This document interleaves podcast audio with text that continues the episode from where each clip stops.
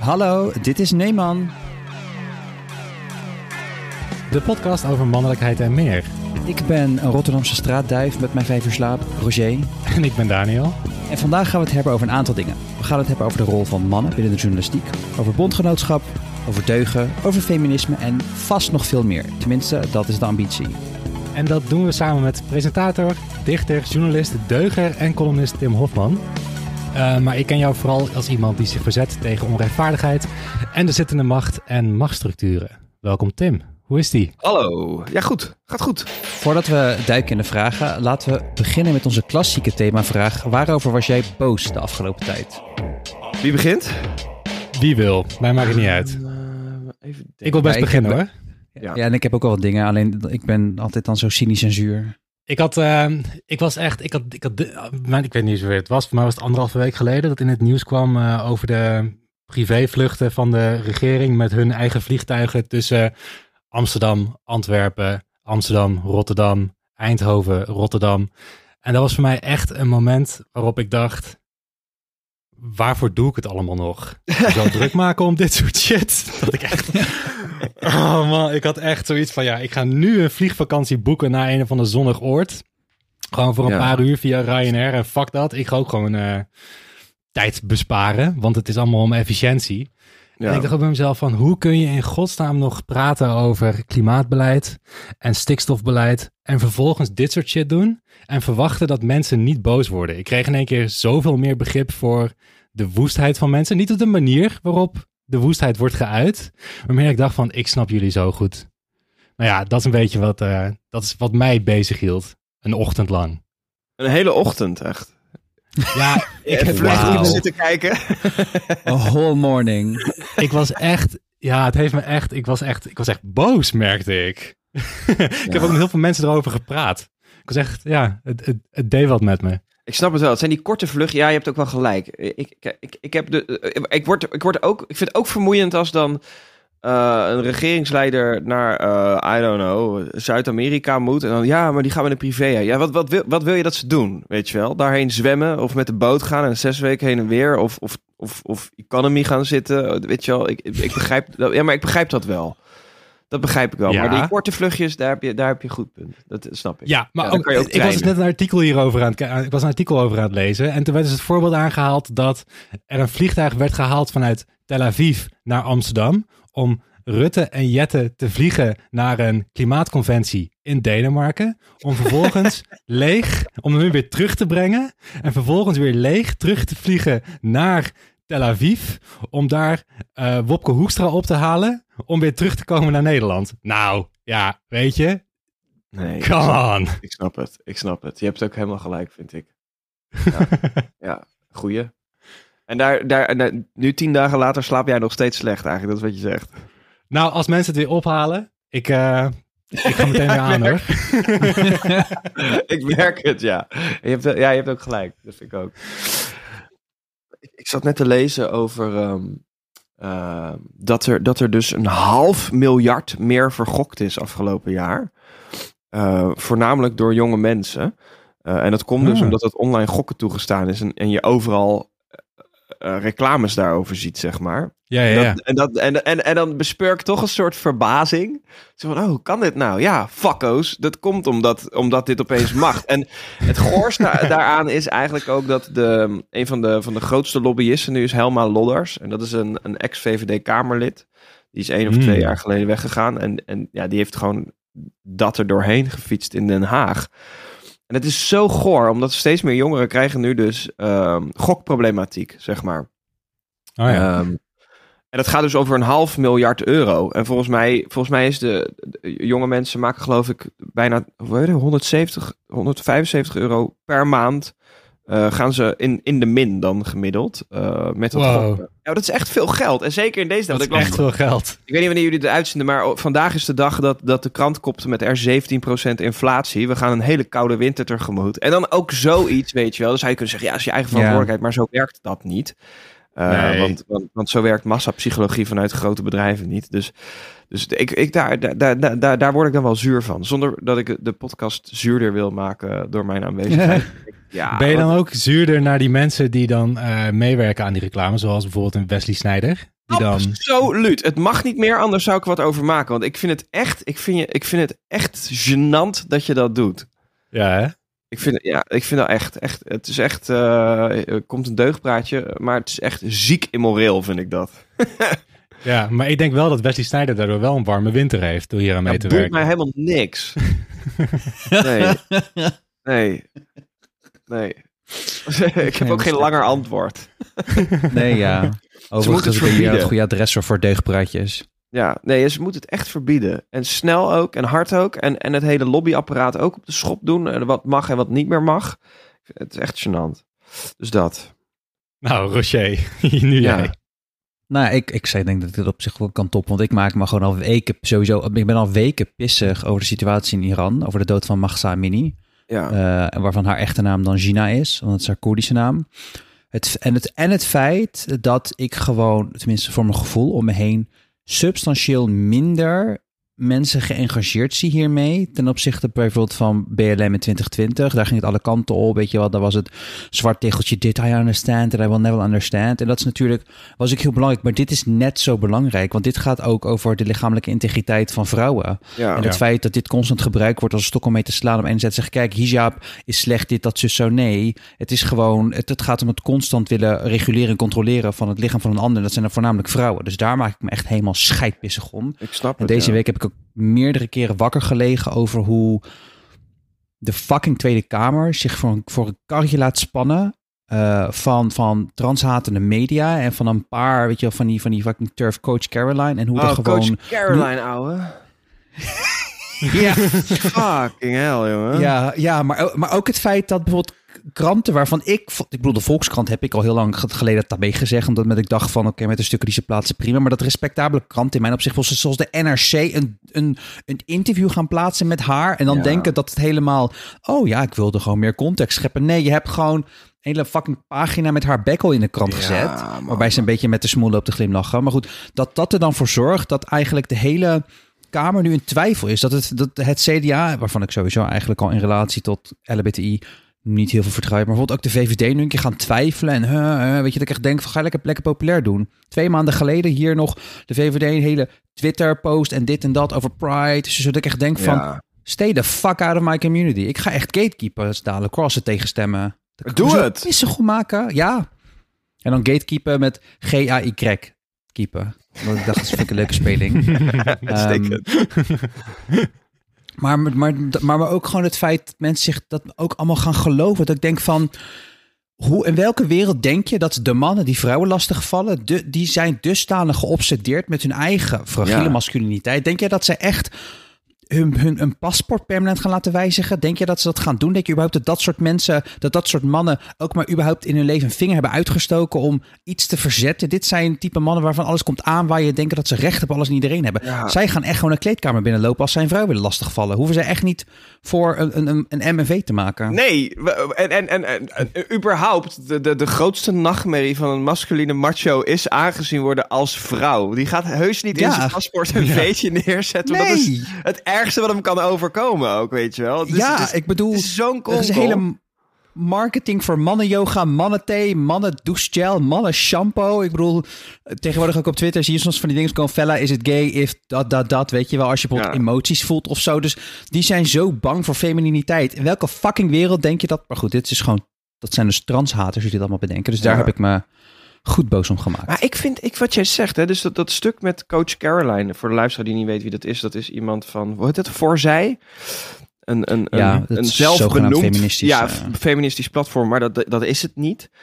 Ehm, Maar, maar, maar de- die krijgt dan een podium in NRC. En, en ik, ik, ik, ik, ik lees graag NRC. Ik vind dat de fijnste krant van Nederland. En, maar op dit dossier, eh, Jan Kuitenbrouwer, die schreef heel lang eh, in NRC, schreef hij eh, stukken over de transcommunity die echt niet mals waren. Ehm, en ehm, ik zag van de week ook weer Mirjam Bikker van de ChristenUnie. Dat is zeg maar de SGP. Oh, ja. Corvée heeft zij altijd bij, binnen de ChristenUnie.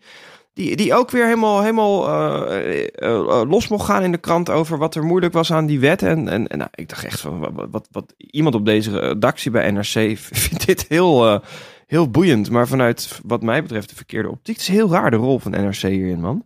Ja, ik hoorde ook vi- via via van een aantal mensen die ik binnenkring dat er intern ook wel echt dat het een beetje eh, intern ook wel eh, wat dingen heeft eh, rondgeschud. Dat niet iedereen was helemaal blij met de manier waarop het NRC dus nu, zich nu profileert op dit dossier, om het even Ja. zo te zeggen.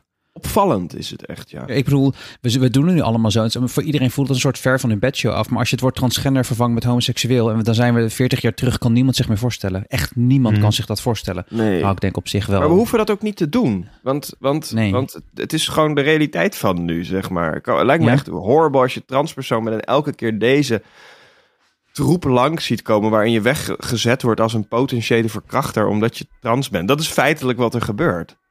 Ja. Eh, wat, wat, een- Ja. wat een krankzinnig idee is, echt. Ja. ja. En, en dat Iran-ding, ik, ik snap helemaal wat je zegt. Ik heb, dat valt mij ook op. Eh, ik, denk, ik denk dat het voor meer mensen verder weg voelt. En ik denk ook dat, dat alles wat te maken heeft met, met, met de islam gewoon moeilijk is voor het links-progressieve deel van, van Nederland, waar wij ook toe behoren, om dat aan te raken, toch? Ehm, Ja. eh, dat, dat, dat is gewoon zo. Het is natuurlijk ook gekaapt door extreem rechts. Eh, maar je kan daar prima nuance in brengen, eh, vind ik. Dat, dat, wa- wat jij zegt ook, het gaat over, over het, het, het, het, het onderdrukken van lichamelijke integriteit van, van een vrouw. Ehm, en als dat vanuit, eh, met, vanuit ja, met, met, met, met islamitisch motief of extreem. Ja, ik vind het zelf altijd extreem rechts, extreem rechts motieven met een, met een, met een religieuze vermomming aan, zeg maar. Eh, zo, hè, zoals je dat ook aan, aan de, hier aan de flanken van de SGP hebt. En, eh, maar dat is toch heel moeilijk aan te raken voor heel veel mensen. Dat, dat valt mij echt vies tegen. Eh, want je kan, je, Ja. je, je kan prima systeemkritiek hebben zonder dat je eh, je, je je islamitische medemens daarmee wegzet als onmens. Wat Wilders continu doet, weet je wel. Ja. Mhm. Dat is, eh, dat is toch heel spannend. eh. en, en juist die nuance, want dat las ik ook van de week. Je moet, zo- je moet zoiets als dit ook juist niet laten kapen door rechts. Het is namelijk heel links wat daar gebeurt. Heel progressief wat daar gebeurt. Eh, Ja. En je wil ook niet dat het narratief wordt, zie je wel, moslims stom. Eh, dit is wat ze doen met vrouwen. En, dan, en dat wil dus weer met zijn met met vlag kan gaan zwaaien, weet je wel. Omdat wij denken, ja, ik vind het ook wel een Ja. moeilijk dossier. eh, moeten we misschien ook maar niks over zeggen, weet je wel. Dat is, dat is gelul. Zo'n mufti is gewoon een...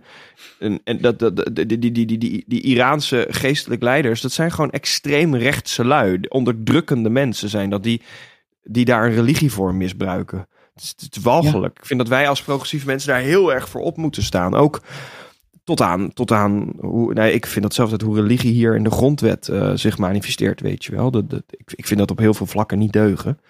Ehm, maar dat, ik, ik vind inderdaad, wat je zegt klopt wel hoor. Hij, ijzingwekkend stil. Ja. Ja. Ja, ik probeer daar zelf ook altijd de nuance in te zoeken door het, als ik daar kritiek op heb, dan het hebben over religieus dogmatisch, op een religieus dogmatische manier. Dus echt niet per se dan mensen hun religie aanvallen, want dat is, ik bedoel, ik ben atheïst Nee. en mensen hun religie is ook helemaal niet, maar dat zijn mijn zaken niet. Maar op het moment dat het dogmatisch wordt, op het moment dat jij dan dat gaat misbruiken om het leven van een ander Ja, te, te proberen te reguleren, dan wordt het een probleem. ja, ja, 100 procent. Of dat nou christelijk, islamitisch of, of whatever Ja. is. ehm, de, de, de- helemaal mee eens. Maar dit is wel, het is wel een nuance die heel vaak... Ik zeg het, het komt ook door de kaping van extreem rechts. Als je, als je ook maar... ehm, en het is ook wel, ik vind het ook wel ingewikkeld hoor. Want als je daar iets over zegt, eh, je hebt ook gelijk 4000 DM's met doodsbedreigingen in je, eh, Ja. in je, in je DM zitten van, eh, en, van mensen die, die, die daar echt heel hard over zijn. Dat helpt ook weinig, moet ik zeggen. En dat is wel ook gewoon de bittere waarheid. Hoeveel nuance je ook zoekt, weet je wel. Ehm, nou houdt het mijzelf niet zo tegen hoor. Maar ik snap dat dat voor veel mensen ook een drempel kan zijn. Eh, ik bedoel, het is mijn werk, ik leef ervan. Maar als dat niet zo is, dan ja, waarom zou je daar... Zit je daar ook niet echt op te wachten, denk ik. Ja. Nou ja, voor zover eh, hetgeen wat ons, eh, ons boos maakt. Ja, We kunnen ook, ja. gewoon, kunnen ook gewoon boos afleveringen Het is maken. een hele podcast Ja. al. Het werkt.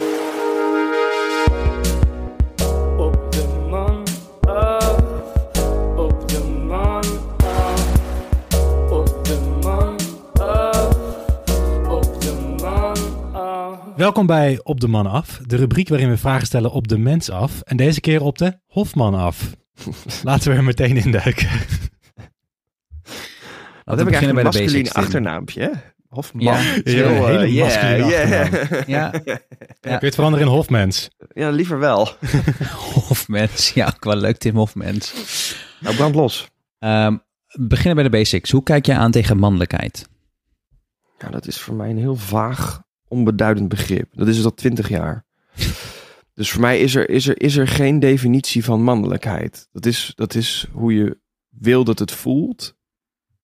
Hoe je... Kijk, dit is natuurlijk wel een, een, een, een, een, een, een, stigma. En, en er is een, een, bijna een soort consensus in, in maatschappelijke breedte. Maar daar heb ik zelf niet zoveel boodschap aan. Maar ik vind dat wel iets wat, wat een man heel vaak in een hoek zet. Hoe, hoe een man zou moeten zijn. Dat, dat, dat, dat is er, dat erken ik. Maar voor mijzelf... ehm, eh, man zijnde, denk ik wel. Is het, is het echt een, een, een, een leeg containerbegrip? Ehm, het, het, het, het- ik, ik, ik zou niet weten wat. Kijk, eh, geslachtswijs ben ik een, een, een man. Maar als aan mij vraagt wat, wat maakt jou verder man? Ik, ik, I don't know. Ah, ik heb geen idee. Ik draag graag nagellak en oorbellen. Iets wat eh, maatschappelijk, in de maatschappelijke breedte weggezet wordt als iets voor vrouwen. En ik, ik sta ook in de sportschool eh, honderden kilo's te deadliften. Wat vaak weer wat masculiner. Ja, maar ja, weet je. Ik heb een baard en tattoos. eh, maar ik kan ontzettend goed bij mijn gevoel. Als je dat allemaal in, in traditionele kaders gaat denken, dan, dan, dan. Ik vind het zulke nonsens. ik weet het niet. Ik weet het niet. Ik vind het. Ik heb daar altijd al tegen geageerd vanuit mijn vroege puberteit al. Heb je er wel veel over nagedacht? Ja, heel veel. Ja, ja. En in Alle je zoektocht daarna heb je dan ook, heb je ook, heb je ook bepaalde dingen daar, daarvoor gelezen of met mensen over gepraat om uit te zoeken hoe het voor jou zit? Eh, ja, ik heb het daar wel veel over gehad, ja. ja. Ehm, ik, ik, m- mijn hele fe- feminisme, wat er al heel vroeg was, ik denk dat ik jaar of 13, 14 was. Ehm, en dat had wel echt nog een, was veel minder genuanceerd en andere motieven en zo. Maar dat komt uit, uit een soort eh, anti-macho gevoel. Ik heb Hmm. daar altijd, altijd al de tering aan gehad. Ik vind het echt iets wat de wereld verpest, zeg maar. Weet je wel, dat, dat, dat Je over iemand toen al door dat het de wereld verpestte. Ja, ja, nou ja, kijk, ik, ik was heel vroeg. eh, dat komt een beetje, dat, dat, dat aversieve, dat zat er wel in. Maar ik, eh, ik, ik was heel vroeg, begon ik met luisteren naar Nirvana. En Kurt Cobain was in die tijd echt een soort van het anti-masculine boegbeeld van een hele generatie, weet je wel. Ik vond me daar helemaal in. Dus ik las die boeken daarover. En ik dacht, ja, dit is het, weet je wel. Eh, en ik zeg het, die nuances die kwamen allemaal veel later, wa- wanneer zoiets intersectioneel feminisme wordt in jezelf. En dan, nou, dat allemaal tot daar toe. Maar daar hoorde ook de vraag bij, wat is nou een man? Ja, ik weet het niet. Eh, voor wat je wil dat het is. Ehm, dus ik, ik, snap, ik snap de geslachtsbepaling. Het boeit me ook geen zak. Dus ook, ik kan mezelf dat veroorloven. Hè? Ehm, ik weet het niet. Nee. Ja, wat, zeggen jullie eens wat? nou, ja, als ik, ik dus uh, vraag aan jullie eens zeg. Wat, wat, wat, wat, hou, wat hou je over als je een man definieert? Wat definieert een man? Nou, voor mij, we hebben het dus nu al een paar keer ook in deze podcast over gehad. Ik heb vorig jaar een tijdje getwijfeld aan mijn eigen genderidentiteit. Omdat Mhm. ik ehm, een dusdanige hekel heb aan mannen. Dat ik dacht van, kan ik, kan ik dan zelf man zijn? Ook het, het, het de- hoe het woord man gedefinieerd wordt in de, in, de samenleving... kan ik me ook niet zo heel erg in vinden. Ook omdat ik natuurlijk al 15 jaar uit de kast ben... en niet op, op, niet op vrouwen val en alleen maar op mannen val. En dat, dat duwt je al, dat, dat, dat, dat maakt je al een soort, Daniel vindt het een kutwoord, maar dat, ik zeg altijd deviant, dat maakt mij een deviant vanuit een sociologisch perspectief, omdat ik dan afgezet word. Uh, omdat ik al, doordat ik al op mannen val, kan ik al niet meer een echte man zijn, omdat daar al bepaalde dingen bij komt kijken. Hoe, hoe dat maar vind dan... jij dat? Nee, nee, nee, nee, dat is maar traditioneel okay, nee, ik van zeggen, man want, ja, wordt ja, hetero ja, zijn, ja. zeg maar. Ja, Ja. ja, precies. En dat heeft me al vrij snel weg afgezet van mannelijkheid, waardoor ik me wel al Ja. veel vroeger een soort van vrijer voel om gewoon te doen waar ik zin in heb. Ehm, Ja. Maar tegelijkertijd, het is wel het, ergens. Een van mijn beste vrienden zegt altijd dat zij is hetero, maar zij zou het liefst geen hetero willen zijn, want zij vindt het heel gênant om op mannen te vallen. Ze had vorig jaar een vriend en zij zei ook wel eens dat zij het dan heel gênant vond te zeggen dat ze een vriend had. En ik kan me daar soms wel in vinden, want dat heeft me dusdanig, als ik zie hoe mannelijkheid en zeker wat gedomineerd wordt, maar ook hoe mannen zich gedragen, dat ik denk van, dus gewoon oprecht even twijfelde aan, kan ik mezelf man noemen? Voel ik mezelf een man? Uiteindelijk kwam ik tot het antwoord, ja, ik ga gewoon dat zelf invullen en desnoods dat begrip, voor, voor mijn Ja. aandeel daarin dat begrip oprekken. Ehm, Ja. omdat ja, ik vind hetzelfde als, weet je wat jij zegt, dat, dat hele traditionele en dat giftige mannelijkheid, dat vind ik echt, dat is gewoon echt een, een, een olievlek die gewoon het, het reservoir van de aarde helemaal aan het ver, ver, ver- vergiftigen is. Ja. Ja. Ja. Ja. Be- Dat ben ik met je eens, ja. Ja. Ja, voor mij is het meer een. eh, ik heb natuurlijk het idee in mijn hoofd zitten van man, mannelijkheid en meer traditioneel van stoer en niet over emoties praten en dat soort dingen. Dus dat, dat, heb ik al, dat snap ik allemaal, dat dat onder mannelijkheid valt. Maar voor mij persoonlijk is mannelijkheid op dit moment als begrip een soort meer beschrijvend begrip. Dus dat ik het vaak die dingen die ik weet over traditionele mannelijkheid, die gebruik ik vaak om gedrag van andere mensen te beschrijven en vervolgens te veroordelen en er ook een hekel aan te hebben. Om vervolgens dat weer te gebruiken om een soort eigen invulling te geven aan mijn eigen idee van mannelijkheid. Ik kom heel erg achter Ja. wat voor man ik zelf ben door een hekel te hebben aan wat andere mensen doen. Is dat, herken je dat? Even denken. Ja, ja ik, dat snap ik wel wat je zegt. Dus het, het wordt een soort, soort, soort reactief ding, eh, Ja. man zijn dan. Maar kijk, ik vind wel, kijk, wat ik belangrijk vind in dit. Want ik vind ons eigenlijk al best wel conservatief lullen hierover. Omdat, omdat, omdat we toch heel erg volgen wat, wat,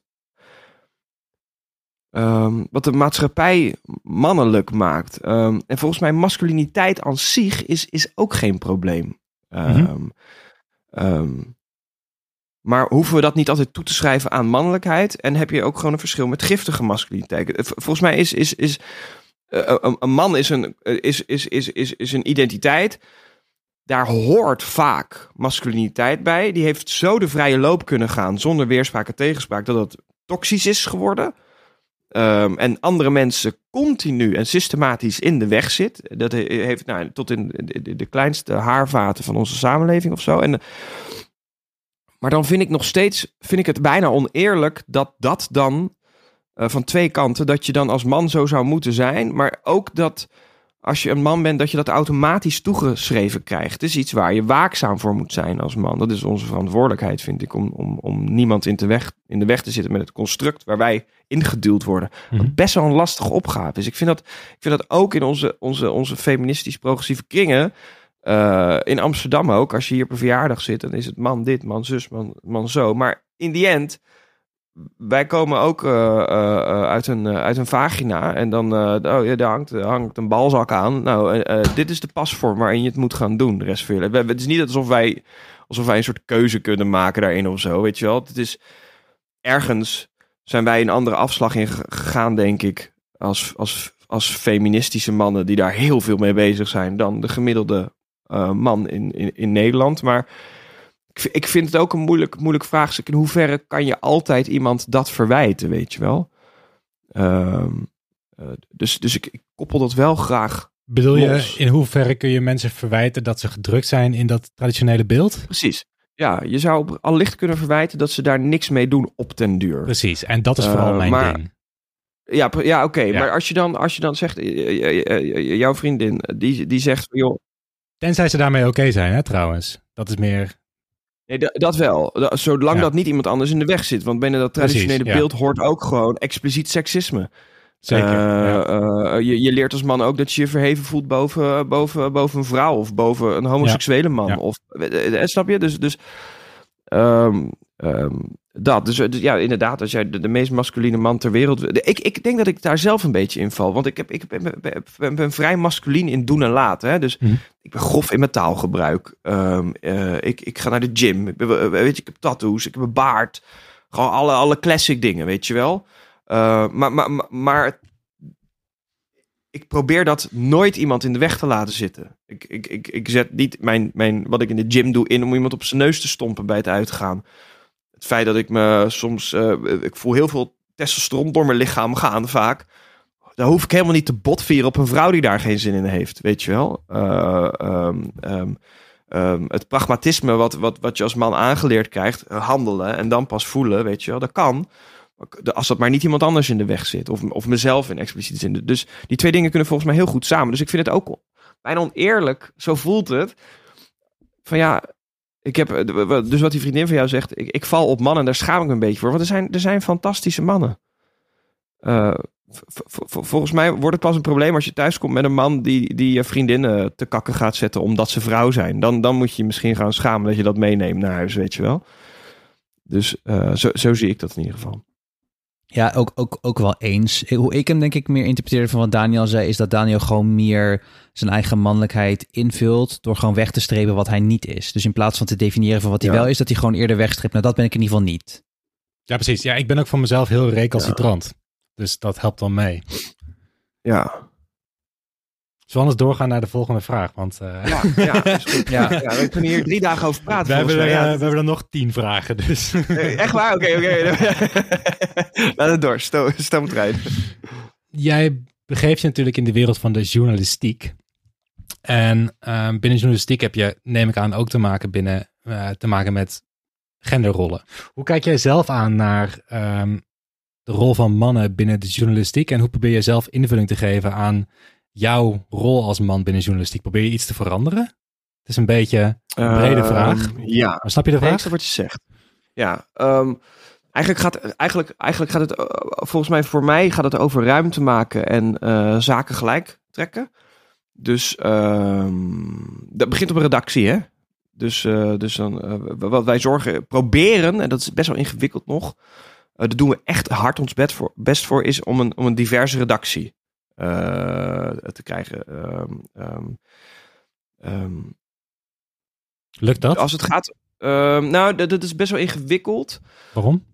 Nou, om, omdat. omdat dus wij zoeken hard, maar, maar je redactie niet helemaal wit krijgen. Wat nu niet zo is. Maar dat. dat, dat, dat, dat is. Als je een sollicitatie uitzet en je krijgt eh, letterlijk 100 sollicitanten, waarvan twee van kleur. Eh, dan, dan, dan, dan moet je dus actief buiten die sollicitatie. Dat doen we dan ook. Daar buiten nog gaan bellen. Wil je bij ons komen werken of zo. Maar dat is, dat, ja, dat is, dat is, dat is, dat, dat is best ingewikkeld. Dat, dat lukt wel. We hebben daar ook onze methodes voor. Ehm, ehm, en de redactie is nooit, nooit voor altijd hetzelfde. Hè? Dus het is ook, mensen gaan in en uit. Dus, dus de ene keer is die wat diverser dan de andere keer. En dat gaat over queer, of dat gaat over man-vrouw verhouding, of dat gaat over eh, wit-niet-wit verhoudingen. We doen in ieder geval ons best daarvoor. En dat, ik, ik denk dat dat, dat dat overwegend goed lukt. Ehm, maar als het gaat over specifiek dan de plek van vrouwen op redactie, dan, dan, dan, dan, dan, dan ehm, we, hebben eh, dingetjes bij ons zijn bijvoorbeeld. eh, het is heel. Ik denk dat het gewoon belangrijk is, ook man zijnde, om ehm, zaken zoals ongesteld worden bij een vrouw serieus te gaan nemen op, op een redactie. Zodat als, een, als een vrouw, er zijn gewoon vrouwen die daar heel ziek van worden. Dat, dat, dat je gewoon kan zeggen, ga, lekker naar huis. Je hoeft hier niet te zijn. Je, je hoeft je ook niet ziek te melden. Dit hoort er gewoon bij. Eh, en, en, en weet je wel, dus dat dat kan.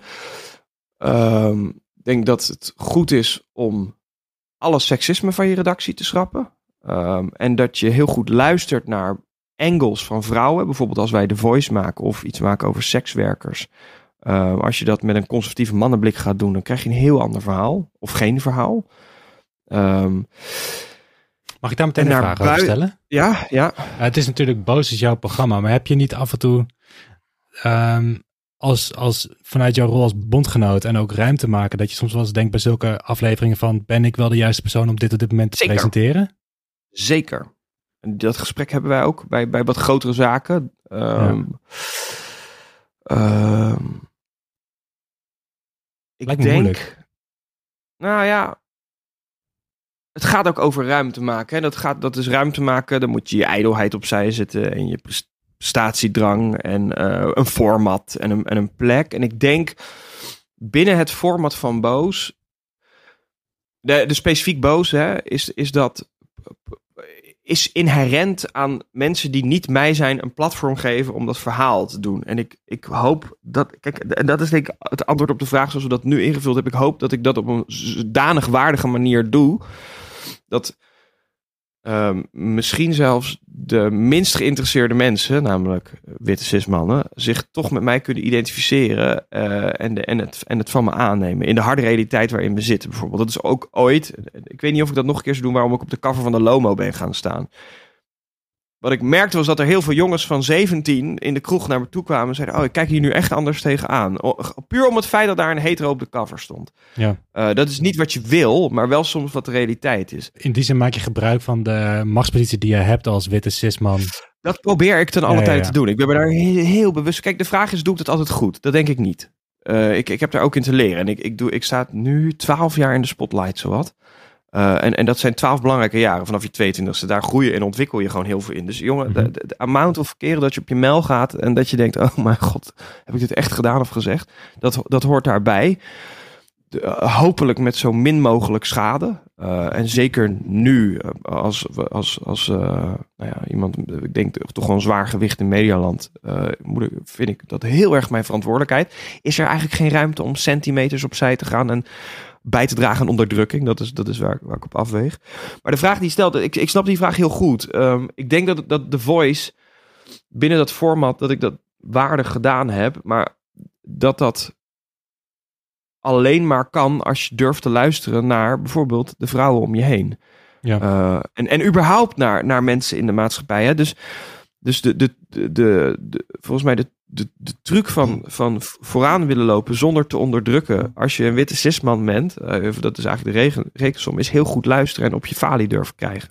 Gewoon op je kloten durven krijgen. Wat je nu zegt is, eh, draag bij aan racisme of aan seksisme of aan transfobie of, of, of, of, of homofobie. En Ehm, vaak schieten mensen in een, in een soort van... Nee hoor, zo bedoelde ik het niet. Of nee hoor, dat is niet zo. Of joh, ga lekker ergens anders ou- ouwe hoeren. Kan, ja, het is ook niet zo ingewikkeld. Weet je wel, de, de, rekensom wordt uiteindelijk... Kijk ik in de spiegel en moet ik toegeven... Ja, ik heb dat verkeerd gedaan. En is dat dan, weegt dat dan zwaarder dan een homoseksuele jongen die thuis zit... en die, zich eigenlijk eh, eh, in de hoek gedrukt voelt op een hoofdpodium? Nou, dat is eigenlijk een hele makkelijke eh, afweging. En om het dan even op zijn op op op op masculine hetero's te zeggen... Je moet ook gewoon niet zo janken. Als je op je kloten krijgt, dan moet je het gewoon ownen. Eh, zo, zo zeggen wij het. In Rotterdam is dat in ieder geval eh, hoe ik het geleerd heb. En, eh, en, ik projecteer dat op de, de, de- bijna op een soort VVD-manier. Kan je ook feminisme benaderen. Dat het, het, is, het is ook niet zo heel ingewikkeld, weet je wel. Ja. Eh, Mag ik nog een en- vraag en, stellen, Rocher? Ja, ga je, Of- ga je een vraag stellen? Ja, ik ben ook, ik ben ook benieuwd. Je had het net ehm, over, over zo'n dossier als, als The Voice, hè? Die, je kon Ja. erop wachten dat we het daarover gingen hebben ook. Ja, ja, ja. ja, ja. Wat, wat, ik ook, wat ik ook, het dossier op zich sprak, het sprak voor zich. Het was echt schokkend wat daar aan de hand was. Maar tegelijkertijd hoorde ik ook wel veel om me heen, ook binnen de links-progressieve, dat het is ook wel typisch dat het nu zo serieus wordt genomen, omdat het wordt gepresenteerd door jou. ja dat, dat denk ik ook. Ja. ja. Zou je bijvoorbeeld zelf ook denken, als, het, als stel je voor dat die aflevering was gepresenteerd door een vrouw van kleur, zou het dan net zo serieus genomen zijn? Wat zijn jouw eigen ideeën daarover? De, eh, de, dus dan gaan we even buiten boos om, hè? Ja, ja, ja. Ehm, dat vind ik een moeilijke... Ja, je grote kans van niet. Ja, hè? Eh, al is zo'n zaak als The Voice weer zo ongemiddeld, zeg maar. Nee, laten we gewoon een beetje bij naam doen. Ik denk van niet. Nee, hè? Nee, Het zou mij in ieder geval... Nee, het zou mij gewoon niet... überhaupt het programma boos. als het was gepresenteerd door een vrouw van kleur, dan was het ook, denk ik dat het al... Ja, Way different. Way different. Eh 100% 100% Dat is, dat is zo. Ja, dat is zo. Ja. Kijk, ik, kijk, ik heb een baan. Ik vind media maken leuk. Dat ben ik gaan doen. En ik, en, dus ik ben nooit opgestaan en, en, ik, en ik dacht van... Oh jongens, eh, hier is de Messias. We gaan de wereld redden. Dat is gelul. Ik heb op een gegeven moment wel ingezien van... Als je een camera hebt, kan je, kan je, kan je shit doen. Je, kan, je kan echt een regering omgooien met een camera, weet je wel, als het moet. Ehm, en de vraag is hoe je dat dan gebruikt. En ik probeer in ieder geval mijn ruimte te delen en macht te delen met mensen met minder macht dan ik. Ehm, maar ik denk dat het wel fair is om te zeggen dat ik nooit helemaal plaats maak. En ik weet, ook, ik weet ook niet zo goed of ik dat moet doen. Omdat wat ik doe wel zoden aan de dijk zet, ook omdat ik het doe. Snap je wat ik bedoel? Ja. Dat betekent niet dat iemand anders dat niet zou kunnen. Dat betekent niet dat iemand anders die ruimte niet op moet eisen. Ehm, maar als je een palet van 100 mensen hebt in Medialand, weet ik niet of ik, of ik, of ik wil dat ik mezelf schrap daarin. Dat is gewoon. eh, En, en nogmaals, ik, ik ben ook geen weldoener. Hè? Ik ben een dik betaalde ambtenaar die. Nee, maar dit is wel echt waar. Een Mhm. dik betaalde ambtenaar die ook heel veel credits krijgt en heel veel eh, strepen krijgt. Gewoon zoals dat is als je op tv komt. Ik probeer er alleen iets expliciet zinnigs mee te doen, zeg maar. Ja. Ja. Ehm, ehm, dus het is ik geloof ook niet in zuiver altruïsme, maar ik probeer in ieder geval als ik die boemerang gooi in mijn ambitie als maker, dat ik, dat ik daar wat zinnigs mee raak voordat hij weer mijn hand belandt. Snap je wat ik bedoel? En, en, en, en, maar dat, dat, dat, is, dat, is, dat is macht delen, dat is podium geven, dat is eh, machtmisbruikers van, eh, van het toneel eh, laten verdwijnen. Of, of, of kritiek laten groeien. Of, of, of mensen verbinden. Of, of, of, of zaken in de startblokken zetten. Weet je wel. En ik denk dat, dat ik dat goed doe. Ehm, en, en dat heeft inderdaad ook te maken met dat ik een witte cisman ben. Dat is Ja. wel zo, ja. Maar daarop voortbordurend, want het is dan, je, je hebt het dan over dat je dat ook dan wil inzetten, maar je zegt ook van, het is niet dat ik mezelf neerzet of mezelf dacht van, ik ben de Messias, maar in het, eh, in het NRC-interview en ook wel je avondje met Lubach, ehm, dat daar in het interview staat in koeienletters dat je helemaal de tyfus wil deugen. Ja, Is er, is er een kantelpunt in je leven geweest waarop wat, wat heeft doen besluiten dat je de tyfus wilt deugen? Want ik heb wel het idee, Ja. als ik zo kijk naar de afgelopen twaalf jaar, je bent wel, en dat is niks, niks ten nadele van, van de, de Tim van tien jaar terug, maar je bent wel in de jaren heen naar mijn idee wat zachtaardiger en het meer, deu meer gaan deugen, om het maar zo te zeggen. Ja. Dus is daar ook een verandering in geweest? Nou, wel ten nadele van Tim van tien jaar terug. Want die kwam ook al op televisie. En die had. Ik, ik zag niet goed wa- wat dat betekent. Dat betekent namelijk dat je een rolmodel wordt, bijvoorbeeld. Dat was toen veel minder dan dat het nu is. Maar dat betekent dat je, dat je eh, toon zet in een land. Dat betekent dat je. En, en ik, ben, ik ben nooit van kwaadaardige zin geweest. Maar mijn parameters zijn anders gaan staan. En, en er zijn een paar momenten. Kijk, een van die momenten was dat ik dacht: oh ja, wacht even. Want ik kan, ik kan heel goed eh, iets stuk maken. Dus destructie. Dat Mhm. zit heel erg in mij. Maar ik dacht, ik kan, ik kan het ook inzetten om uiteindelijk te zorgen voor iets constructiefs. Volgens mij eh, is dat veel zinniger eh, dan alleen maar slopen, slopen, slopen. En dat is uiteindelijk het verschil tussen Poont en mij geworden, volgens mij. Ehm, terwijl onze werkwijze best wel hetzelfde is geweest. Nou, zeker in het begin toen. Eh, namelijk eh, een vervelende vraag stellen en niet weggaan en moeilijk, moeilijk, moeilijk doen. Ehm, ik was wel van, ik probeerde nooit naar beneden te trappen, maar als twintiger er, er is maar zoveel wat je weet. Zeker als, als iemand met mijn identiteit. Ik ben, nooit, ik, heb, ik, heb, ik ben nooit in de hoek gezet. Ik ben nooit in mijn nek gespuugd. Ik ben nooit gediscrimineerd. Het is allemaal niet gebeurd, weet je wel. Dus, dus het enige wat ik kan doen is dan luisteren en leren. En dat ben ik veel meer gaan doen. En, en ehm, dat is wel echt een kantelpunt geweest. Dat ik dacht, oké, wacht. Volgens mij moet ik me helemaal open gaan stellen voor iedereen die niet mij is. Eh, en, dat gaat over sociaal-economisch, dat gaat over kleur, dat gaat over geaardheid, dat gaat over gender, dat gaat over alles. Daar de machtsverhoudingen in checken, kijken waar ik zelf sta en, en vanuit dat perspectief gaan maken. En dan krijg je, dan krijg je iets heel anders dan wat, wat ik tien jaar terug deed. Was gewoon, ja, het vrije woord, alles mag, alles kan. Wetmatig is dat ook zo. Ehm, maar mijn, ehm, mijn, mijn hoofdzaak is, draag ik bij aan onderdrukking of niet? Eh, of, of, of zelfs het tegenovergestelde, kunnen we daar iets aan doen zelfs? Ehm, en dat kan ook een goed gesprek zijn over mijn lijk, hè? Dus, dus, dus, dus als we Mhm. ons laten bedrukken door het idee van sterven en de dood en hoe dat eigenlijk door oud-Judea-christelijke gebruiken, manieren het allerzwaarste van ons bestaan is geworden waarover je het niet mag hebben, dan vind ik dat dat ook onder die vlag hoort. Maar dat is zeker, zeker, en dat komt door Twitter en dat komt door appgroepjes waar ik in zat. En, en ik heb heel hard en vaak op mijn lazer gehad. En in het begin zeg je dan nee, jullie hebben ongelijk. En bij de tiende keer denk je toch, ja, je hebt gewoon gelijk. En dan ga je dat leren toegeven. En dan weet je wel, nou, en dan dat ontwikkelt. En dan word je, het- het- ik, word, ik word zachter naar mensen zonder macht. En ik word harder naar mensen met macht. Dat wel hoor. Eh, en de ide- ideale situatie is nu, voor mij met Boos, die is een beetje afgelopen jaar ontstaan. Dat is dus dat we een, veilig, een plek zijn die veilig genoeg is dat je naar ons toe durft te komen als je slachtoffer bent van seksueel grensoverschrijdend gedrag. En denk, nou, bij, bij hen durf ik het wel kwijt. En dat als we bij de ministerraad staan, dat ze echt in paniek staan dat we voor de deur staan. Kut, moeten ze doen, weet je wel. Dat- en dat, dat- maar dat is de ideale balans. Ja. Eh, maar dat is vooral heel goed luisteren. we hebben het nu over links-progressieve. Ik denk dat die ontwikkeling die jij vertelt best herkenbaar is voor witte cis-mannen binnen het links-progressieve. Ik bedoel, bij jou is het meer out in the open, omdat je op tv komt. Maar ik denk wel Ja. die ontwikkeling van, als ik bijvoorbeeld mezelf tien jaar geleden kijk, denk ik mezelf, wat een toxische dude was dat. Terwijl ik dacht dat ik bezig was Ja. met rechtvaardigheid en Ja. gelijkwaardigheid. En, maar ik wist eigenlijk gewoon nog helemaal niks. En die ontwikkeling gewoon door veel te luisteren en je bewust te worden van je positie en hoe je daar, hoe je die goed in kan zetten. hè. Dat is denk ik wel een ontwikkeling die herkenbaar is voor veel mensen. Ja, en ik vind ook dat we daar recht op hebben. Ehm, Om, om je te ontwikkelen, om die, om die, Om je te tijd, om die ja. tijd te krijgen. Ja, Het rotte is dat dat vaak ten koste van andere mensen gaat. zeker. Ehm, dat, dat, dat is zo. Ehm, maar je kan bij mij tweetjes van vroeger. Joh, die zijn racistisch en seksistisch. En, en, en, en, en, en niet intentioneel, hè? Maar dat zijn ze wel. Eh, want de intentie maakt natuurlijk geen hol in uit. Ehm, Maar dan denk ik, ja, god, ja, dat was ik twaalf jaar terug. Ik mag leiden dat ik daar wat aan gedaan heb, weet je wel. Ja. En over tien jaar eh, kijken we waarschijnlijk terug op dit gesprek. En dan zitten we en dan denken we, jezus, ja, god, we hoop nog te leren, weet je wel. Ja. Maar als, ik denk dat het zaak is dat we dat doen in ieder geval. Specifiek jij en ik, Daniel. Ja. Yes, Zeker, ik heb, eh, ja. ik heb een vrijbriefje.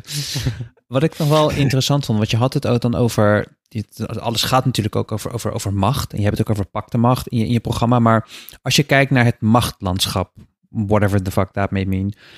kan jij dan ook personen of instanties aanwijzen waarvan jij vindt... vanuit dus van jouw persoonlijke expertise en je visie... dat die verantwoordelijkheid omgaan met hun macht? Of denk je dat machthebbenden eigenlijk op eh, standaard op den duur eh, langzaam zullen corrupteren, om het maar zo te zeggen. je, Ja, dat- je, het gaat nu ja. heel erg over power is evil. En ja, als niet. je nog niet evil bent, dan word je wel evil, omdat je power hebt. Nou, oké, oké, laat het- het- schrap Dat het- beetje- het, zeg maar de tweede vraag. Maar meer, denk jij dat er in het, in het Nederlandse machtlandschap, dat er instanties of mensen zijn die verantwoordelijk omgaan met hun macht en hun macht goed inzetten? Een soort wel. binnen de machtsstructuren. Ja, dat denk ik ja. wel. Eh, je, je kan ze voorlopers in het medialand zijn er echt wel een paar in. De- er zijn grote NGO's. Ik denk ook dat er politici zijn die echt wel goede bedoelingen hebben en ook daadwerkelijk iets doen waar anderen baat bij hebben. Ehm, maar eigenlijk is dat, eigenlijk is die vraag. Eigenlijk vind ik die vraag, zo, ik kijk daar niet zoveel naar, omdat die vraag elke, elke minuut dat ik daarnaar kijk, kijk ik niet naar de andere ja, kant. Oh, ja, ja. die, die echt nog een blik nodig hebben, snap je? Dus dat, dat is wel een goede vraag. Ik ben er alleen niet zoveel mee bezig. En dat is niet dat ik alleen maar cynisch, en dat is e- echt een werkding ook hoor, cynisch en negatief ben, maar gewoon, eh, ik probeer juist mijn ogen heel scherp op de bal te houden, vaak met waar Ja. moeten we zijn, weet je? Waar, waar valt wat te duwen, of wat, wat, wat bloot te leggen of zo. Ja, snap ik wel. Ehm, maar ja, er, zijn toch, er zijn toch wel Kamerleden waarvan wij, waarvan wij vinden die doen het goed. En dat zijn expliciete machthebbers. Eh, ik denk dat er ook kabinetsleden zijn die. eh, nou, in dit kabinet niet zo heel veel, maar geweest. Ja, maar, nee, maar dat is het hem. Als je, als, ik bedoel, ik kan niet per se hele specifieke bewindslieden van, wel, laten we zeggen, de afgelopen tien jaar aanwijzen. Maar ik denk wel dat de constant, de, de grote deel van de coalities, als je op een gegeven moment in die zit in de structuur zit, of zit in de machtsstructuur, dat je wel toch een beetje Ja.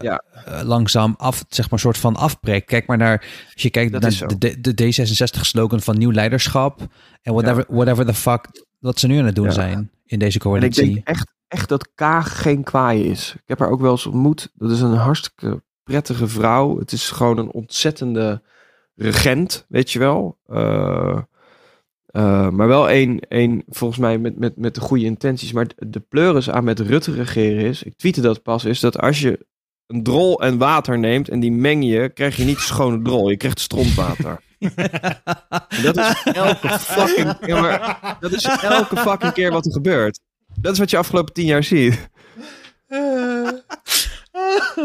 oh, die ga ik onthouden. Die ga ik echt onthouden. Ja. ja Het is zo, toch? Ja, het, is, zo. zeker Dus- waar. en- het is, en- het ja, is dus- zeker waar. Ja, En- en het dus lijkt zich langzaam over het land. Ja, de root of all evil, dat is ze helemaal niet. Die is gewoon besmet geraakt met, met, met de visieloosheid van de VVD, waar zij Het ja, zit in in het de machtsstrijd verwikkeld is. Ja, nou ja, wel, weet je wel. En dus wat krijg je dan? Ja, je krijgt gewoon heel leuk deze 60 idee, maar wel met stronten doorheen. Ja, de, en nou, Ja. het is gewoon vies. dat, Ja. dat krijg je. Ja, dat krijg je. Ja.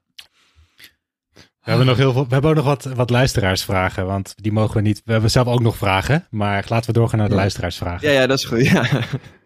Ehm, een paar hebben we al gehad. Bijvoorbeeld, we, hoe heb je door de jaren heen toxische mannelijke trekjes afgeleerd en ben je feministisch geworden? Nou ja, dus door veel te luisteren. Dat was. Ja. eh, ehm, wat vind je het moeilijkst aan feminist zijn als man? Niks. Ja, nee, het is een beetje die NSC-vraag. Ja, wat is er nou moeilijk aan? je hebt net wel gezegd ook. Of- je hebt net wel gezegd dat je het moeilijk vond om af en toe te horen dat je wat, wat, Ja, vond. wat je. Ja, vond. Dus dat is wel iets wat het Oké. moeilijkst is voor jou toch als feminist in je ontwikkeling. Oké, maar ik maak gewoon steeds die afweging. Oké, is het nou moeilijk om te horen dat ik gewoon iets doms gezegd heb? En is dat dan moeilijker dan als je transpersoon bent en dan horen, oh, transpersonen kut? Nee. Oké, Dus- ja. dus- Oké, fair enough. Toch? Laten we hem dan iets anders insteken, want dat is natuurlijk een rationele afweging. Waar ervaar je nog bij jezelf een beetje weerstand? Of eh, vind je nog een beetje een uitdaging? Want zo'n weerstand of zo'n iets, of iets wat dan als een eerste instantie of een eerste reactie weerstand oproept, is dan vervolgens voor jou materiaal of een signaal dat je even met jezelf gaat zitten. Van nou, hey Tim, hoi Tim, weet je wel dat je dan zo. Dus is er, is er überhaupt iets wat dan nog een beetje weerstand of wat je nog, nog aan het leren bent? Dankjewel Rocher, dit is een veel betere vraag. Nee, ja, wat ik aan, ja, aan het leren ben, ja, 100 procent. dat gaat bijvoorbeeld over ruimte innemen. Dat is, dat is iets waar ik, waar ik veel over nadenk. Dus waar we net hebben besproken. Welke ruimte neem ik in? Want ik, nee, ik weet dat ik veel ruimte inneem. eh in, in een debat soms. Kan, kan echt zorgen dat een heel land lult over waar, waar, waar, waar- waarvan ik hoop dat ze het over gaan hebben. Eh, maar dat ben ik. En dan ben ik ook de voorman daarin, weet je wel. Ehm, dus dat, dat is iets waar, waar, waar ik ook niet weet of ik nou goed zit of niet. En, en eh, of dat ik het moeilijk vind om toe te geven. Dat ik soms een stap terug moet doen, weet je wel. Omdat ik ook heel eager ben in mijn, in mijn werk doen. Ehm, en dat gaat dan helemaal niet om intenties, maar wel over de uitkomst. Oh ja. Dus ik denk dat dat, dat, dat, dat een issue is. Ehm, ja, ik denk, denk dat, dat, dat, dat ik daar, als ik over vijf jaar, als we hierop terugkijken, zo'n gesprek, ben ik benieuwd hoe ik daar dan in sta. We onthouden hem. Ja. En dan weer stellen. Eén Eh, luisteraar vroeg ook van of je zelf niet de politiek in zou willen. Die krijg je Nee. vast vaker. Nee, joh, eh, kijk. Dus je hebt een drol en water. je wil geen strontwater worden. Ja, je moet je douchen in strontwater als je daar naartoe gaat. Hè? Precies, dat moet je niet doen. Nee, Ga je vanzelf. Nee, ik denk niet dat dat... eh, volgens mij ben ik, ben ik best oké in wat ik nu doe. En heeft dat, zet dat ook nog wel soda aan de dijk. En eh, is dat goed. Eh, maar nogmaals, vraag het me over vijf jaar nog een keer. Als ik Ja, dan... ja, en ik eh, bedoel- Voorman van de D66 ben. Wauw. Dat- dan, dan, if that were be true, the mighty would have fallen. Maar, eh, ja, maar op wat je ook nu natuurlijk, natuurlijk ook wel heeft, een behoorlijke eh, agenderende rol. Ik bedoel, alle, alle, het, het eerste wat de standaard bestuurskunde-studentjes eh, leren, which was me jaren geleden, is natuurlijk naast de trias politica, is het media ook eh, een, een, een machthebber daarin. Ja. Ehm, en dat misschien zelfs meer, want dan opereer je buiten die trias politica om wat stront in de ventilator te gooien. Hoe noemen ze het? De vijfde of de zesde macht? Eh, je hebt de vierde en de vijfde macht. Dus de ambtenaren vierde. waren de vierde macht en de En media, de was de is vijfde, de macht. vijfde. Oh ja, media is vijf, ja. Ja, ja, Ja. ja, ja, ja, ja, Ja, je, ja, komt, ja. je komt nog lager in rang, Tim. In je plek. Bij de macht. Ja, maar Zullen we- hij- zullen we- hij- zullen we wel hij zien, noemde zichzelf ook Wauw. Hij noemde zichzelf ook ambtenaar net. Dus ergens is, is, is hij vier en vijf. Oh, hij blendt zich zo Nee, nee, ik langzaam ben naar boven ik ben toe. Ja. Naar één. Ehm, ah, hier hebben we ook al een beetje eh, over gehad net, maar misschien kun je nog het kort en duidelijk eh, antwoorden. Wat betekent ally zijn nou echt voor jou? Het bondgenootschap. Ik denk het allermeest luisteren.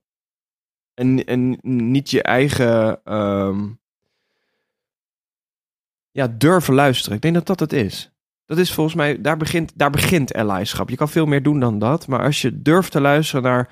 naar iemand met minder macht naar, dan jij en in de spiegel durft te kijken en denkt van ik kan, daar, ik kan mijzelf daarop aanpassen. Volgens mij begint allyschap begint daar.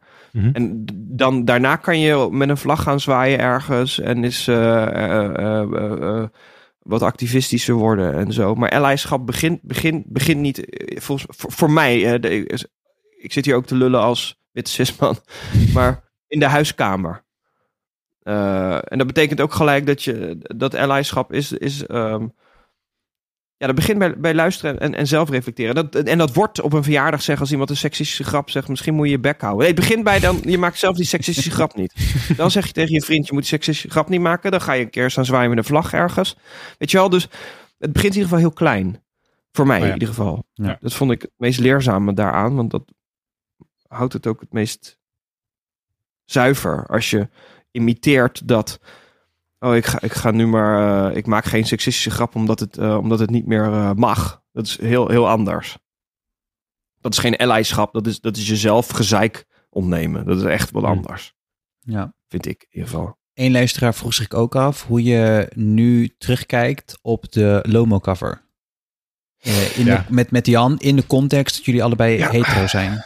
Ja, nou, dat, dat, dat, is, een- dat is een goede vraag. Dus dat, ik tikte dat net wel even aan. Ik weet niet of ik dat nog een keer zou doen. Eh, kijk, voor toen, dus eh, 2016, dat, dat, eh, ik moet zeggen, ik was iemand anders. Medialandschap was nog een beetje anders. Ik wist minder. Dacht ik echt van, volgens mij is dat het goede om te doen. Eh, als je als, als hetero man in de media eh, laat omarmen door, door, door dat magazine, zeg maar. Ehm, en dat was ook nog wel iets controversiëler dan bijvoorbeeld later die cover van Monica Geuze en Anna Nushin, weet je wel. Dat was natuurlijk het seksualiseren van, van, van twee lesbische vrouwen die niet lesbisch waren. Dat ging over iets anders. Ik weet, zeggen jullie het is? Ik weet het niet. Ja, ik heb er wel een analyse op, maar ik... Doe eens.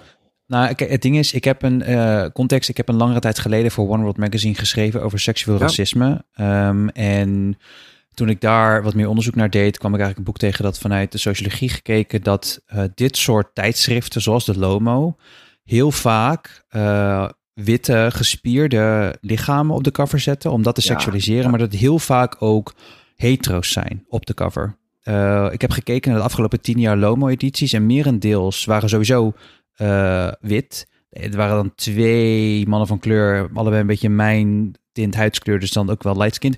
Maar het feit dat er twee hetero mannen op eh, gezet worden, dat seksualiseert dat. Dat maakt het een soort object Ja. van, van, van de ultieme, van het ultieme geilheid.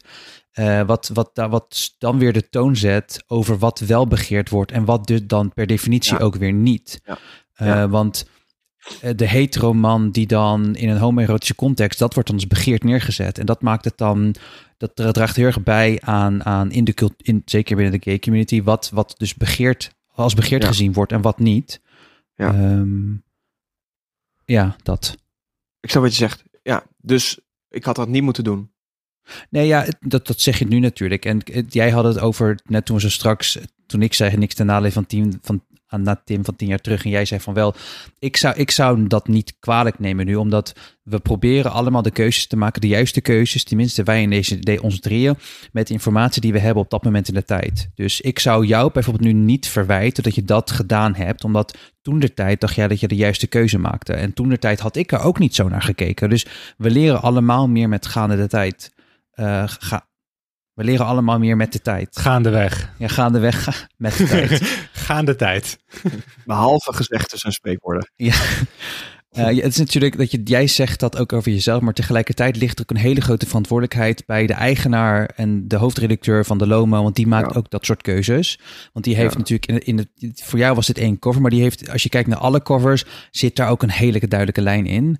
Eh, want ook bijvoorbeeld die Tigo eh, werd er ook, eh, weet je eh, Arie. hoe heet die? Ja, eh, die inderdaad ook allemaal heel erg geseksualiseerd worden neergezet. Dus een soort van de, de gespierde heteroman is dan een seksueel boegbeeld voor de gay community. En die keuzes maakt een Loma dan ook. Dus als je ergens ook Ja. verantwoordelijkheid wil neerleggen, dan, en dan tegen jezelf zeg ik dat niet moeten doen, dan mag dezelfde verantwoordelijkheid ook neergelegd worden bij de Loma Ja. en de hoofdredactie. Ehm, want die maken die keuzes. Ik snap het, ja. Ik had trouwens, ik had een andere cover. Hè? Dat vind ik, dat zou ik ook met jullie willen spreken. Dus, ehm, ik stond op de cover van de Esquire. In principe was dat gewoon een high fashion shoot. En de cover was wat, wat femininer. Dus volgens mij, ik had een bloemetje in mijn haar of zo, zoiets. Het was, het was niet heel uh, ja, ja, ja, ja. En, na, en nagellak op. Ja, ja, ja. Uh, iets wat ik in mijn dagelijks Een leven ook sjaaltje doe. om. Ja, toen zei zakdoekje om je. Ja, ja, ja, net zo dat inderdaad. Toen zei mm, Mark-Marie Huibrechts volgens mij, die zei van... Um, ja, dat is een soort appropriation van homoseksuele mannen. Um, maar daar was ik het grondig mee oneens. Omdat ik dacht, ik vind wat femininere looks en kleding toeschrijven aan, aan uh, geaardheid, dat, dat, dat ging mij een brug te ver. Wat denken jullie? Snap ik wel. Ik denk. Ik ken verder die hele vent ook niet, dus ik weet ook niet wat hij ermee bedoeld zou hebben. Maar ik denk. Waar het hem wellicht in zit, is het feit dat op het moment dat. Het is een beetje een, denk ik, vergelijkbaar met Harry Styles. Dus toen Harry Styles in een jurk ergens verscheen, werd hij daarop geapplaudiseerd. Maar bijvoorbeeld Billy Porter, die deed dat ook eerder. Het gaat Ja. er denk ik meer om het feit dat wanneer een, een hetero man de, de, de, de, bar- de, de, de barrières van, van masculiniteit, feminiteit doorbreekt en femininiteit omarmt, dat die daarvoor geapplaudiseerd wordt. En dat het een soort van taboe doorbreking is. Terwijl er genoeg zijn die daarvoor zijn gegaan. Bijvoorbeeld homomannen die op een cover staan of dit doen, dan, dan is dat dan Ja. weer niet zo, omdat Ja. het automatisch gedaan wordt. Dus ik denk, het is nogmaals, ik, dit is natuurlijk alleen een aanname van wat, eh, wat er gezegd werd, maar ik denk dat er wellicht daarin zit, als het bedoeld wordt daar met appropriation. Maar is het dan zo? Is het dan zo? Ja, los van dat, dat, dat hij dat koppelt aan geaardheid, wat ik, wat ik. Ja, dat vind ik echt te conservatief gedacht. Ehm, maar, maar is het dan zo dat, dat de rest bij allebei de, de zaken moet klappen? Zeg maar, het applaus? Of, of is. Of je hoeft überhaupt niet te klappen. Of normaal zou moeten vinden, of moet Harry Styles dat dan niet doen? Ik, ik denk eh, dat het hem zit in het eerste. Want Harry, Harry Styles, zoals als voorbeeld, die had natuurlijk ook heel wat te zeggen over homoseksuenes. En dat hij het wel even ging vertellen hoe je een tedere homoseksuele kon maken. Want hij volgens mij speelt hij ergens een gay in een politiefilm of zo. Eh, Oh, oké. Ik denk Ja, dat het gaat het. om het feit dat we niet met z'n allen moeten doen dat hij iets baanbrekends doen. Dat hij voor de eerste keer dat ze heeft neergezet. En dat we op het moment dat we dat applaudisseren, dat we ook dan oog hebben voor, als ik dan een voorbeeld aanhaal van Billy Porter, die ook eerder Ja, al in ja, een jurk stond. Ja, Uh, en dat we dat naast elkaar zetten. En dat we dan vervolgens, als dat gebeurt, dat we dan niet zeggen: ja, maar het gaat nu even over Harry. Dat we gewoon meerdere dingen kunnen tegelijkertijd bestaan. En meerdere dingen kunnen tegelijkertijd waar zijn. En je kunt blij zijn met Harry. En tegelijkertijd ook willen dat er evenveel erkenning komt voor Billy Porter. Uh, omdat, als we in hetzelfde voorbeeld blijven praten. En, en eh, moet ik dan nog een keer met een bloemetje nagellak op een cover of niet? Dat, we- dat weet ik niet. Ik kan dat niet voor jou dicteren. nee, nee, ik Ehm, vraag je mening, jullie mening. Daniel, zeg jij. Nou, ik, ik, ik, ik herken wel heel erg wat jij zegt, eh Roger. Dat, want ik, ik draag zelf ook wel eens nagellak. En toen ik daar net mee begon, toen kreeg ik dus heel vaak de reacties van... Oh, heb jij nagellak? En dat, dat mensen die doen dat omdat ik een, witte cis-hetero man ben. En dan met nagellak ben ik schijnbaar taboe doorbrekend en dat moet worden geapplaudiseerd. En ik moet ook zeggen dat ik daar in het begin ook wel een beetje zelf zo over dacht van... Kijk mij, ik pak deze meer feminine kenmerken en die maak ik mijn eigen en daarmee doorbreek ik taboes. En dat is een beetje hoe ik er zelf eerst ook naar keek. Terwijl nu is het voor mij gewoon, nu, nu we twee, twee jaar verder zijn, is voor mij is gewoon een manier waarop ik me uit, iets wat ik zelf mooi vind. Dus ik denk heel erg, ehm, mijn, mijn idee erbij is meer van, Tim ga lekker op een cover met een bloem, bloemetje nagellak als dat is wie jij bent. Ja, Maar ga het niet doen om een statement te maken en bepaalde dingen dus te appropriaten om dat statement te maken. Als jij niet zo bent en toch 210 kilo deadlift en een helbui hebt, want er staat op die, eh, op die cover staat dat. Ze moeten natuurlijk die tegenstelling moeten ze ook kenbaar maken hè, in de eerste twee zinnen meteen. Mhm. Ehm, maar als jij niet zo bent, dan zou ik dat op dat moment zou ik dat niet voor zo'n cover zou ik dat niet doen. Dat zou niet oké zijn. Maar als dat wel is wie jij bent, dan zou ik het Ja, wel dat doen. is het, ja. ja dus dat is, ja. Ja. want ik draag, ik draag in dagelijks leven nu niet, maar, maar geregeld nagellak en Ja. oorbellen en... Bloemetje in je Ja, ja Elke liefst zou ik morgen ook even naar buiten. Ja, maar ook, ook, ook, ook rokken dragen of, of meer oogmake-up. Alleen soms als publiekfiguur leidt dat ook af van... Dus als- ik over mijn lijk Hmm. maak met oogmake-up en een rok aan... dan gaat het daarover. In plaats van iemand die op een sterfbed vertelt... Snap je? Dus, dus ik, dat Ja. is ook een afweging met waar neem je nou Nee, welke tuurlijk. ruimte in. eh. Ja. Tuurlijk. En wat je ook kan doen, mocht je, daar, mocht je weer voor zoiets gevraagd worden, dat je bijvoorbeeld ook eisen stelt als je een podium krijgt. Want wat, ik- eh, wat ik heb, ik ben één keer, is goed, ik ben één keer door, eh NR, of, eh, door RTL Nieuws gevraagd om iets te vertellen. Dit is een item over racisme. En Ja. ze waren voornamelijk op zoek naar persoonlijke ervaringen. Dus ik heb gezegd, die wil ik best wel delen, maar krijg ik dan ook de ruimte om een bredere context aan te kaarten en Ja. ook het hebben over het systemische, want anders wordt het alleen maar traumaporno. Dat mocht Ja. niet. Ik moest alleen eens vertellen over mijn persoonlijke ervaring met racisme. Toen heb ik gezegd, dan doe ik niet mee. Ik bedoel, ik word dan niet, ik kom dan niet zoveel plekken als Nee. jij, maar op de plekjes waar ik dan kom, dan ga ik wel eisen stellen van, ik wil wel dat en dat. Ik bedoel, soms, eh, soms uit het zich ook op manieren dat je bijvoorbeeld, als je het hebt over toegankelijkheid van Pride, dat Pride Amsterdam je op Instagram blokt. Ehm, dat is nog steeds zo'n beetje een, eh, waar ik mezelf Ja, dat snap ik, ja. Maar, maar dat soort, dus dat je gewoon, als je ruimte krijgt, dat je wel gewoon Ja. zegt van, oké, prima, ik wil daar, want ik bedoel, als jij op een cover staat, neem jij ook wat mee, weet je wel. Het is Ja. toch wel, jij, je bent nu een household name, dus dan heb je ook, denk Ja. ik wel, het recht om op het moment dat jij een object, object bent, om het maar even zo te zeggen, op een platform, om daar eisen aan te stellen. Ja, ja precies. Heb je wat aan deze antwoorden? Nee, wel. Ja, wel nee, ja, het is, ik, ik, zeg- ik zeg het, het is voor mij ook een zoektocht, hè? Als publiek Ja. figuur. En, en eh, je, je, het is vooral eh, niemand in de weg willen zitten ook. Eh, en af en toe eens een deur doortrappen. Eh, en gewoon, Ja. ik ben ook gewoon iemand, een mens. Dus dat, Zeker. maar goed, eh, genoeg. Laatste vraag. Ja, Ja, ehm, hier was ook iemand benieuwd naar. Hoe is het om bekend te zijn en zo te moeten dealen met alle aandacht oordelen van mensen? Ja dat went wel. Ja, dit is een groot thema in mijn bestaan eh, afgelopen jaar geworden. Omdat het een beetje... Elke keer denk ik, nou, meer dan dit zal het niet worden. En dat is ook wel goed. En dan... Ik heb soms echt dat dan... dan I don't know, zes, zes krantenkoppen in een week. Die gaan over iets privés of mijn werk. Dus dat is, dat is, dat is goed manoeuvreren. Dus het gaat over, over een verantwoordelijkheid die ik voel, die bij bekend zijn hoort. Nou, dat hebben we net eigenlijk uit het na besproken. Wat hoort daar voor verantwoordelijkheid bij? Maar ook in hoeverre heb ik, heb, wat- is privé? Dus als ik, als ik ooit een kind krijg of mijn relatie gaat uit of eh, mijn moeder overlijdt, dan, dan zit dat in, in boulevard bijvoorbeeld. Ja. Weet je Ja. wel? Dat, eh, De privé. nou, bijvoorbeeld. Ja. Eh, ik voel wel weinig ruimte tot fouten maken als mens. Ook hè, kijk, eh, mensen doen bij mij een soort valse eh, gelijkstelling vaak. Hè? Dus wat wij met boos doen gaat over expliciet machtsmisbruik. Of je nou een oplichter bent of een politicus die iets doet, weet je wel. Maar ik ben ook een mens en ik maak ook wel eens fouten. Soms zeg je het verkeerde of doe je iets of maak je, weet ik veel, gewoon je maakt dus een misstap. En dan, Ja, dat was toch ook... dus- Sorry, ehm, toen naar aanleiding van de Boos-aflevering... toen werden er toch ook filmpjes van jou naar boven gehaald van vroeger... dat je volgens mij iemand ja, in interviewde op een 2013. feest. Ja, Ja, Spuiten en slikken interview met een Playboy-model, eh Ja. Zimra Geurt, fantastische vrouw. Eh, en we hebben daar een gekscherend gesprek over, ik weet het niet eens, borsten. Ja. Dat, dat is in spuiten en slikken context toen was dat helemaal geen vreemd gesprek, vonden wij. Dat heeft zij later ook gezegd. Zou ik dat nu nog een keer op die manier doen? Nou, lijkt me niet, denk ik niet. Nee. Dus, dus de- de- de- daar heb ik ook wel van geleerd. Maar het is natuurlijk om dat naast systematisch seksueel grensoverschrijdend gedrag en machtsmisbruik te leggen. Dat is de gelijkstelling die volgt, weet je wel. Eh, dat is eigenlijk het, het, het beste voorbeeld.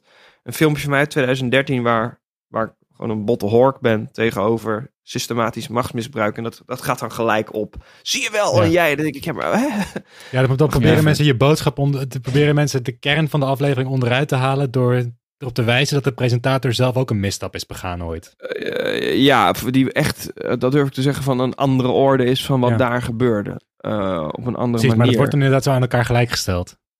Ja, en, Ja. en dat, is, dat is ingewikkeld, want, want dat betekent dat mijn, wat ik maak, dat dat, dat de, de, de zuiverheid, of de, en dat is deels ook natuurlijk zo, de zuiverheid of, of, of hoe serieus dat moet nemen, inherent is aan hoe ik manoeuvreer als mens. En als mens ga ik komende 80 jaar of 70 jaar, ga ik geheid nog fouten maken. Ehm, dus dat, dat, dat, dat, dat- nou ja, ik, ik, ik plan 100.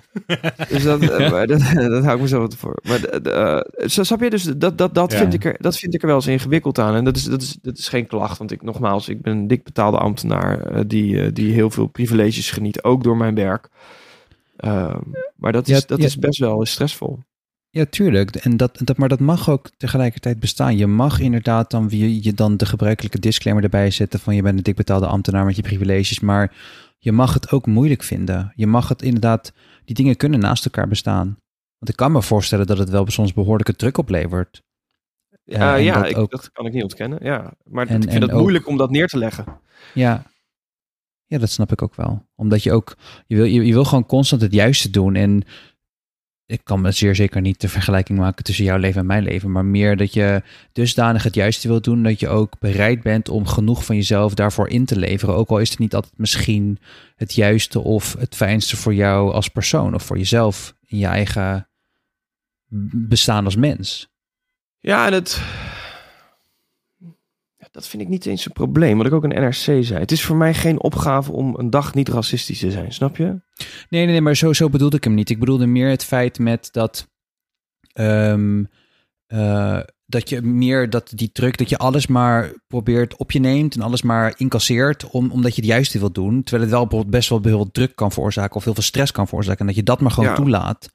En dat kan moeilijk zijn. Het is, het is niet zozeer dat je dat het het moeite kost om niet een hork te zijn, maar meer omdat je juist constant het juiste wilt doen. Dat je eh, dingen van, je, van jezelf inlevert in termen van rust, energie, eh, eh, dingen Ja, doen d- zon- dat- ja. zonder daar nog een keer over na te denken. Omdat je altijd rekening moet houden met het publieke oog. Ja, en ja, dat is zo. Ja, het publieke oog, dat is natuurlijk. Ja, dus het, heeft wel meer. Het, het is, kijk, het is in ieder geval een thema aan mijn bestaan, laat ik het zo zeggen. Ja. Maar dat is ook iets wat ik graag met mezelf oplos. En ik vind, dat, ik vind daarover klagen, vind ik, vind ik altijd. ja, dan denk ik, waar heb je het nou over, weet je wel? Maar dat, eh, ik moet zeggen, de laatste tijd bel ik wat vaker. eh, dat, is, dat is echt nieuw voor mij. Met vakgenoten die ongeveer dezelfde bekendheid genieten en ongeveer dezelfde dingen maken en, en uitgesproken zijn, om gewoon even te bellen. En, en ik merk dat die ander dat ook wel eens fijn vindt. Gewoon even, god, waar zitten we ook weer in, weet je wel? Mhm. Dat is niet iets waar, waar je gaat klagen in publieke zin. Oh nee, ik, eh, ik moest vandaag 14 keer op de foto en eh, kreeg 13 standjes op Twitter, weet je wel? Dat, dat, dat, dat, dat- maar soms wel eens lekker om even van, oké, eh, volgens mij begrijpen we elkaar en ja, laten we het daar even over hebben. Dat, dat doe ik wel vaker dan dat ik voorheen deed, ja. Dat, dat Ja. wel. Dus. Nou, dat, dat Dit waren was onze aflevering. luisteraarsvragen. Dit was het, ja. Dit was het. Thanks voor het luisteren, lieve luisteraar. En Tim, jij ook duizendmaal bedankt dat je even langs wilde komen, te gast wilde zijn bij ons. Ja, ik vond het leuk. Eh, leuk om gelijk, gelijkgestemden te spreken. Vond eh, jij het leuk, luisteraar? Schrijf een recensie op iTunes, laat een sterretje achter. Ehm, en je kunt jouw overpijzingen of levensvragen sturen naar Heeman, met H-E-E, at neemandepodcast.nl. Of je kunt in onze DM's sliden op Insta, dat is at neemandepodcast. En verder gegroet. Dag.